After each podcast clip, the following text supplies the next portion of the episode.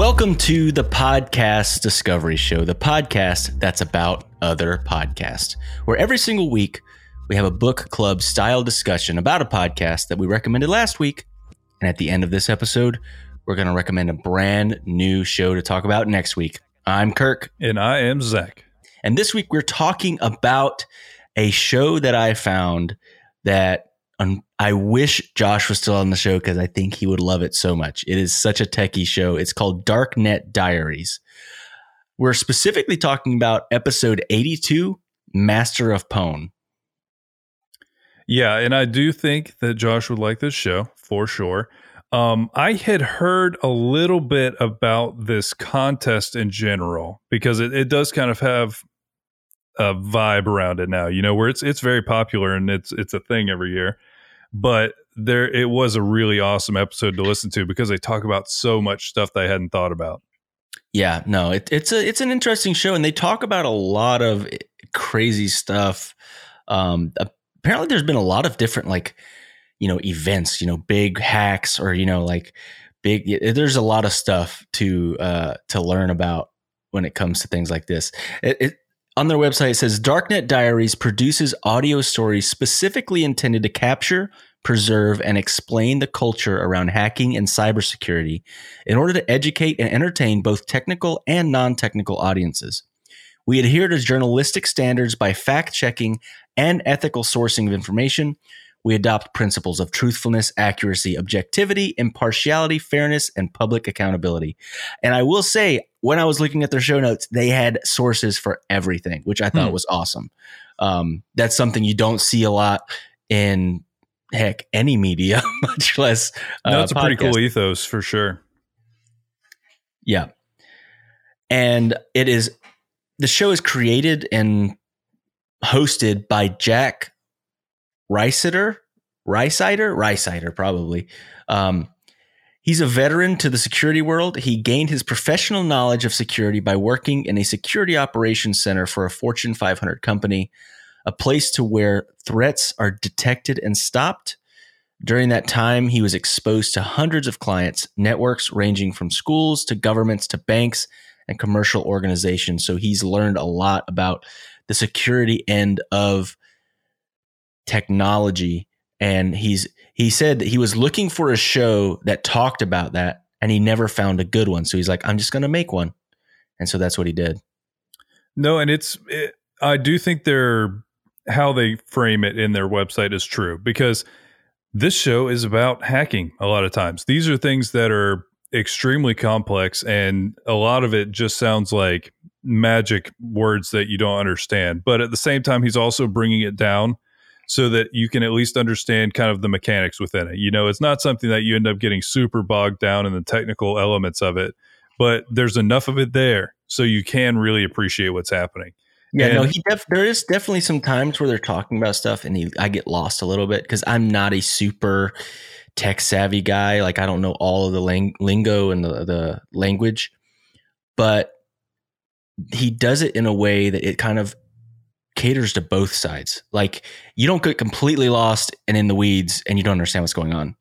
Uh, it kind of caters to both. I don't know how he walks the line as as well as he does, but he, it seems like he walks the line and, and you get it from either end. If you're a tech savvy guy or gal, or if you're not like me. Yeah, no, it really does help. But yeah, this episode is about the master of Pwn and the the Pwn to own challenges that are put on by Zero Day Initiative. And this is some of the stuff that I didn't know about and was super interesting to me because I knew that these contests were happening, but I hadn't really put much thought into who was hosting them, you know, who was who was setting up these prize pools.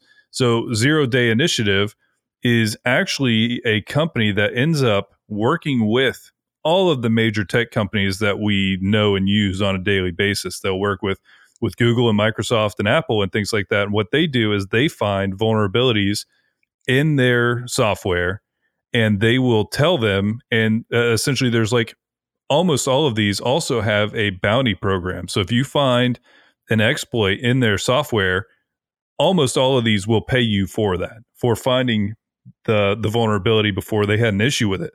And so they have taken that to the next level where the zero day initiative is regularly talking to all of these major tech companies and regularly telling them what they call they call these people researchers. Um, mm-hmm. So they are. I thought that was fascinating. They call them researchers. yeah.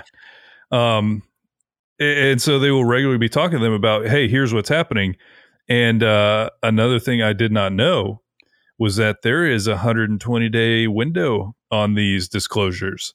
To me, that's a uh, very interesting because that puts a little a little fire in there. So what that means is if Zero Day Initiative finds a bug, you know, whether researchers finds it, there's a whole lot of like back and forth here. They work with researchers. Mm-hmm. Researchers will give it to Zero Day Initiative, and then Zero Day Initiative has the reputation to go to these large tech companies without having any blowback. You know, and they for know people like me, when we say researchers and when they say researchers, it's basically people that are f- hacking essentially to try to find exploits or weaknesses in mm-hmm. a software or a system. Maybe not as much like to try to take advantage of somebody, but to try to find those exploits so that then they can sell it to either the company, which this is something that I didn't know existed. I, I mean, it makes complete sense now that I've heard about it, but that there's a essentially a market for big companies to buy vulnerabilities from hackers, especially on their, you know, on their own stuff. Yes. Um, I did not know that was a thing. Uh, it makes complete sense. Uh, but that's really fascinating. And that's kind of what they were talking about is like, well, why do the hackers or the researchers go to zero day initiative? And the reason that they go to zero day initiative is because a lot of these big companies, you know, Microsoft and Google and stuff, if you if you're some hacker and you go to them and be like, "Hey, I found this thing wrong with your so and so," they won't give you the time of day. Uh, a lot of times they will just ignore you, or they'll try to get out of paying paying you for it. Um, and so it's just one of those things. It's just like zero day initiative takes them seriously, and also I think they had to like if you go to the company themselves, you become you basically are outed as a hacker, basically. Yes, kind of. So it is, they act as an intermediary, a layer of anonymity there. So Zero Day Initiative keeps them anonymous for uh, their researching. yeah, no, and it's it's really interesting because it's it's so easy to think hacker and think bad, but there's a lot of like there's an entire division of computer engineering that's just about uh, security. So it's people that must know how hacks work and must do essentially hacking to make sure that security is invulnerable to it. So any site that you have has an entire team of people that could be hackers in another life, you know, but they have to do it from the other side. And that's why you have like white hat hackers, which are mm-hmm. like beneficial hackers. You know, they're like they're like activists. And then you have black hat, which is they're just highest bidder. Who cares? They'll do whatever, doesn't matter. And so you have this whole interesting kind of culture happening here. And then you get to these competitions that Zero Day Initiative is throwing. And it's so interesting because they've essentially, it's almost like they've gamified it. There's a lot of money on the line, hundreds of thousands of dollars for these major, for the people who win the, the Pwn to Own contests. You know, uh, they, they had several stories throughout this where somebody would win a Tesla or somebody would win a an um, MacBook. And the way you win these is by literally hacking them. Like if you hack into them, you get to keep them. And so they made a way to target something that is so necessary. Like that's honestly another thing about this show.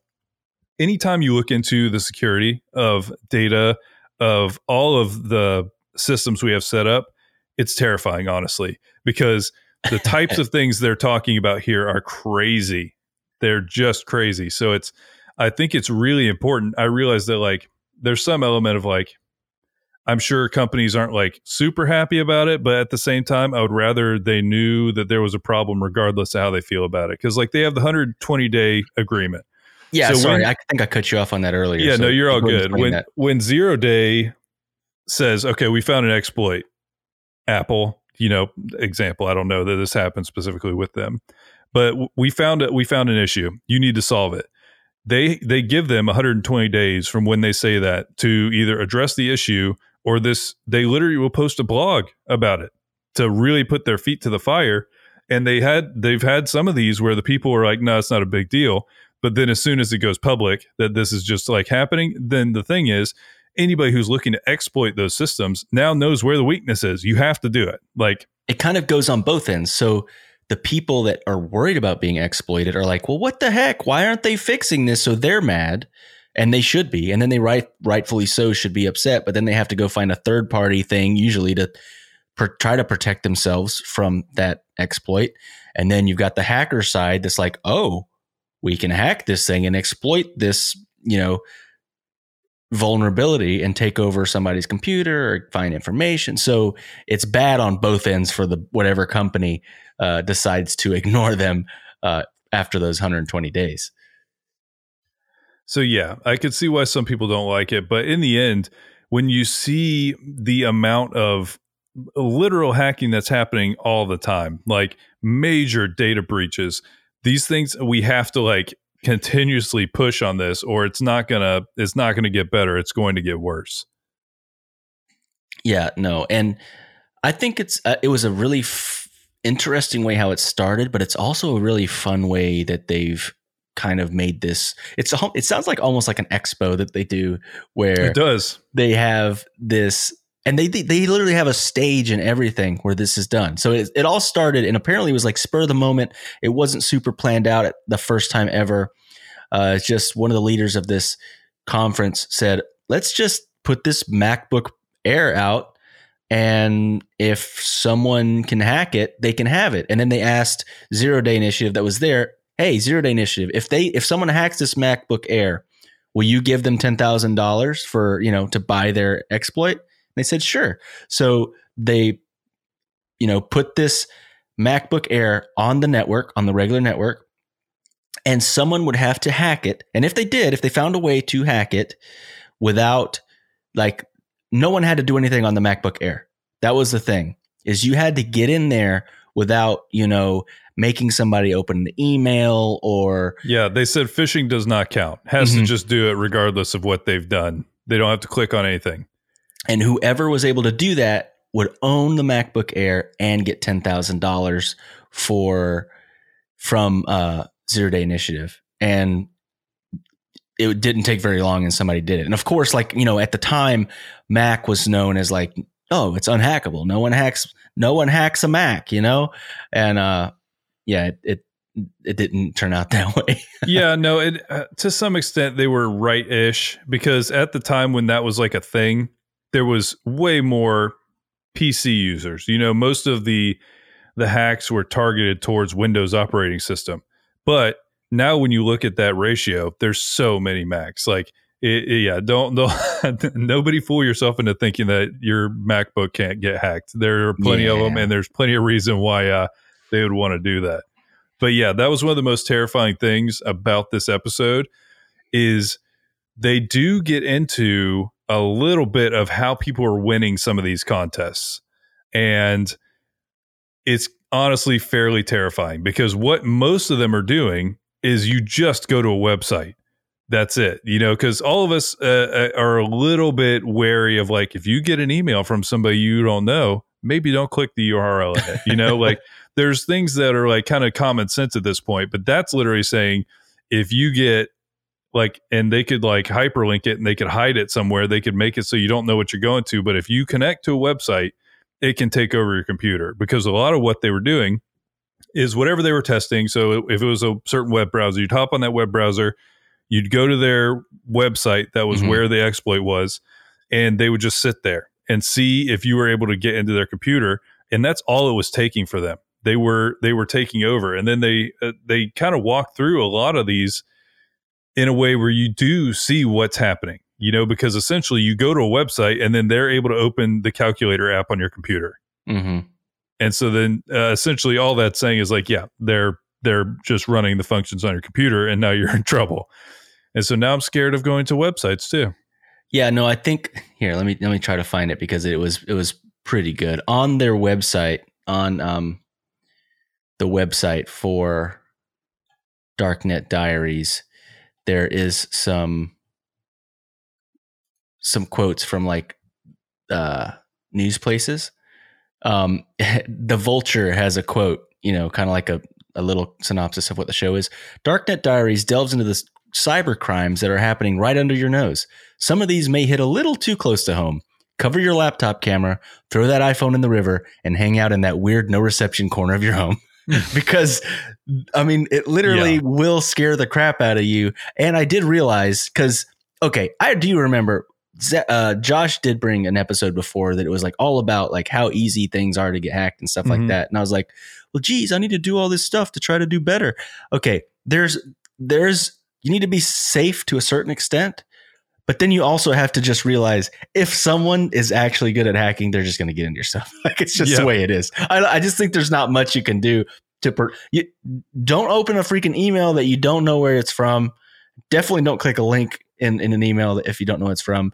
Um, but and you know have good passwords, not one password that you use for everything. Um, but other than that, like yeah, it's just if you if you if if you're gonna get hacked, you're gonna get hacked. That's what it feels like. Yeah, there is there is some of that where if they if they want to, they'll they'll find a way. Because the thing is, they're constantly like you would think essentially they're having this contest every year. You know, they're finding people who can exploit all of the major tech companies every year. So at some point they're going to they're going to close it all up, right? You know, it, but it just it's not possible. It's just not possible. Because and especially when you start looking at quantum computing, which is like fairly close to coming online, when that happens, everything is going to be different because they'll be able to brute force like everything, which is just throw enough information at to like shut it down because it just computes at a different level than we have any comprehension of. So all of this is going to happen a hundred x as soon as quantum computing becomes a thing. But yeah, yeah, no, it's it's a really cool thing. I did no as I was listening to this, I because they they're interviewing in this a couple of the people who uh, have done very well at the uh, the Pwn to Own. I think they became masters of Pwn, right? Maybe. The, okay, I'll say that. It is funny that the most prestigious hacking competition in the world is called like Masters of Pwn. that sounds like a 14 year old like Counter Strike clan. You know what I mean? Yeah. It's pretty funny. It's I think it's fair. Like it's a it's it's an appropriate title, but but I found a, a PC Mag had an article that was just talking about several prominent hackers that were then employed because of what they did. You know, because the thing is, this is always going to be necessary because just like I was saying earlier, the opposite of this is kind of infosec, where it's people who can protect you because they know how hacks work. So these are like the best. These the hackers are the best type of people to help you beef up your security. You know, it's the whole premise of you have somebody break into your bank so that you can find the weaknesses in your security and fix them. Yeah. And so it's the same thing, but across everything that we all own and all our data is on and everything like that. But uh, there was several people like Apple hired. Uh, there was someone who created a jailbreak app and was then hired by Apple. Microsoft and then Google grabbed somebody who became famous for hacking the Wiimote, which uh, this one was really interesting because uh, I, I'm curious. So his name is Johnny Chung Lee, and he is a computer scientist who famously hacked a Nintendo Wiimote in 2008 using a few ballpoint pens and infrared lights. What? And it's like, okay, I need to know more. You can't just say that and then move on, but they did. So well, we will too. Um, but yeah, there was a lot of people who were uh, hacking even in the like the 80s and 90s, and the same thing. Uh, they were seen by the government and those people also realize that if somebody can break into your system they can make your system stronger mm-hmm. um, there was someone who uh, created a facebook worm who was then hired by facebook um, and then another one iphone worm creator and he was then an app developer same thing with uh, twitter and then there was someone named kevin poulsen who hacked into an FM radio station to rig a competition that scored him a Porsche. So he uh he definitely stole a Porsche essentially. And then he he breached FBI computers and then he put like everybody was onto him because he he hacked the FBI computers. He was eventually arrested in 91. He served 5 years in prison prison in addition to paying $56,000 for fraud. And once he was done, he became a journalist and is now a senior editor at Wired magazine. And uh, essentially, he has now started the second phase of his life where he just has additional insight. So it's really interesting to kind of see the the humanity behind all of this because I feel like so much of this is in obscurity. You know what I mean? Yeah. No, it's it's it's you know this like I said, it's like dark net. You know, it's just this weird place where people try to be. I don't know. It's I don't know. I've I've learned so much, and I still feel like I know nothing about like this kind of stuff. Oh, and don't get me wrong, I know nothing about computer science and like programming or anything like that. I just understand kind of the end results they're going for in some cases because okay, the there was a couple of these where they were talking about they were using virtual machines. So it's not like an actual computer, but you like partition it and see it thinks it's a, a machine and then they were able to get outside of the virtual machine into the actual computer. And so like I don't understand at all how you would do that but I understand the implication where you create like a little pocket so that if anything happens in there, you can just shut it down, erase it completely, and they're able they were able to just break out of the cage. So it, it's this show. You do not have to be crazy sophisticated to start to understand the things that these guys are doing, but it's uh I think that people who are sophisticated though could actually get more out of it than we did. You know, they would better understand the stories that are being told. But overall, really interesting show. Like like I uh like I said, we uh we're scared now. So what are you gonna do? One of the other things that I thought was uh I don't know, just really funny and fascinating was that the FBI and other agencies, even like I think they talked about different world organizations, have used hacking as a way to kind of combat terrorism and stuff like that. Not just terrorism, but like crime and stuff. Because, okay, so the FBI at one point was looking for the specific terrorist. They talked about this incident. It was like named and everything. I don't remember what it was, but they were trying to get Apple to give them the whereabouts of this particular person. And, um, Apple's like, no, we don't, we don't even have access to that, blah, blah, blah, you know. And so the FBI went on the gray web, which I didn't even know what that was, but apparently it's like not quite the dark web, but it's like some like it's borderline illegal. It's it's like yeah. borderline illegal stuff. Uh anyway, they went there and they paid 1 million dollars for this hack that got them the information they needed to be able to find this terrorist and get, you know, access to where their location was on their phone. Um, which I thought was crazy. And they talked about a few other instances like that. But I don't know. That's uh I it's one of those ones it's like, okay, good, you know, terrorists off the street, and also like that's kind of Yeah, no, real, real slippery like slope. That. There's been a lot of things that have been done in the name of stopping terrorism that were mostly BS and didn't really do much to stop terrorism. Yeah, um, for sure. Um, but you know, I thought that was really cool, and they talk a lot about some of the teams that have you know, won Pwn to Own or that were like famous hackers. Like mm-hmm. they talked about Yan Hugh Lee, who was basically he'd hacked he hacked everything. Yeah, like they literally hacked, were just like, oh yeah, like everything. Firefox, Apple, Safari, like every single thing that you think is harder to hack, he's hacked all of them. Um, and he was like, uh, his his what his screen name was Lokihardt or whatever. They said he used to work like in the gaming industry, so he they were saying he comes at every he came at everything from like a different perspective. So he was able to find exploits other people weren't able to find. Um, then there was Team Fluoroacetate, which I thought the name was great because it's a uh, it's an insecticide, so you know like a bug killer, and uh, this was a, a hacking team that was famous for finding all of these different hacks and winning multiple years in a row. And he even got to interview um, another team. I forget what they were called. What were they called? Rewind? No. Um, flashback, right? Flashback. I think that's it. Um, something like that. Uh, so he got to to interview them, and uh, they they had won like seven years in a row or something like that. And uh, it was just it was just a really great show. Uh, it did get technical, maybe three quarters of the way through, where I got a little bit lost because they were explaining how things were hacked, and I'm like, I don't know what you're saying right now, you know. But uh, it was funny because you can tell the host knows things, like knows mm-hmm. what he's talking about, and so he his mind was blown when these hackers were telling him how they did it, and I'm like, what you're saying doesn't mean anything to me. Um, yeah. He's like, oh my god, I just got chills. That's ridiculous. I don't even know how you do that. And um, well, I'm sure he sees the implication because the the like the more extreme things that they were doing there would be a real problem if it was everywhere. Yeah, no, 100%.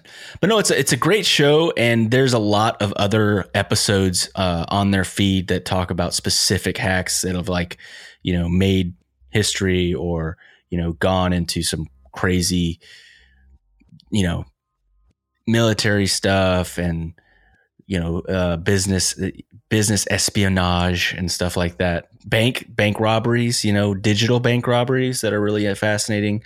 Um, surveillance issues. It's it's a it's a good show. Yeah, it was a really great show. I thoroughly enjoyed it. Um, I guess that brings us to our next recommendation, and this yes. is one that I'd been thinking about for a while because it combines a lot of things we like. This show is called Gastropod, and they kind of mix in science, history, and food together. So they will talk uh-huh. about like kind of the the cultural stuff behind it. They'll talk about some of the scientific questions that arise from it, and they'll talk about food.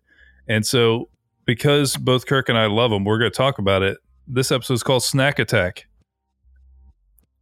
Can can is it about pickles? Yes, it's only about pickles. Great, it's that's not, my favorite. Oh it's man, not actually about pickles. Okay, there might be there might be pickles in there somewhere. well, that's my favorite snack. All right, guys. Thank you so much for listening to the Podcast Discovery Show. We will be here next week. And remember, there's always more to discover. Thank you for listening to the Podcast Discovery Show. We would love for you to get in touch. We have a Facebook group called the Podcast Discovery Club, and our Twitter is at the PDS Official. We also record the show live every Friday night at 8 o'clock on Twitch. We would love for you to be part of the show while we're recording it. If you want to support the show, we have a number of ways you can do that. From our Patreon to our affiliate links, they're always linked in the show notes. In the end, you support the show just by listening, and it means the world to us. So thank you so much for being a part of our journey. This was a podcast from the Podfix Network. You can check out more shows like it.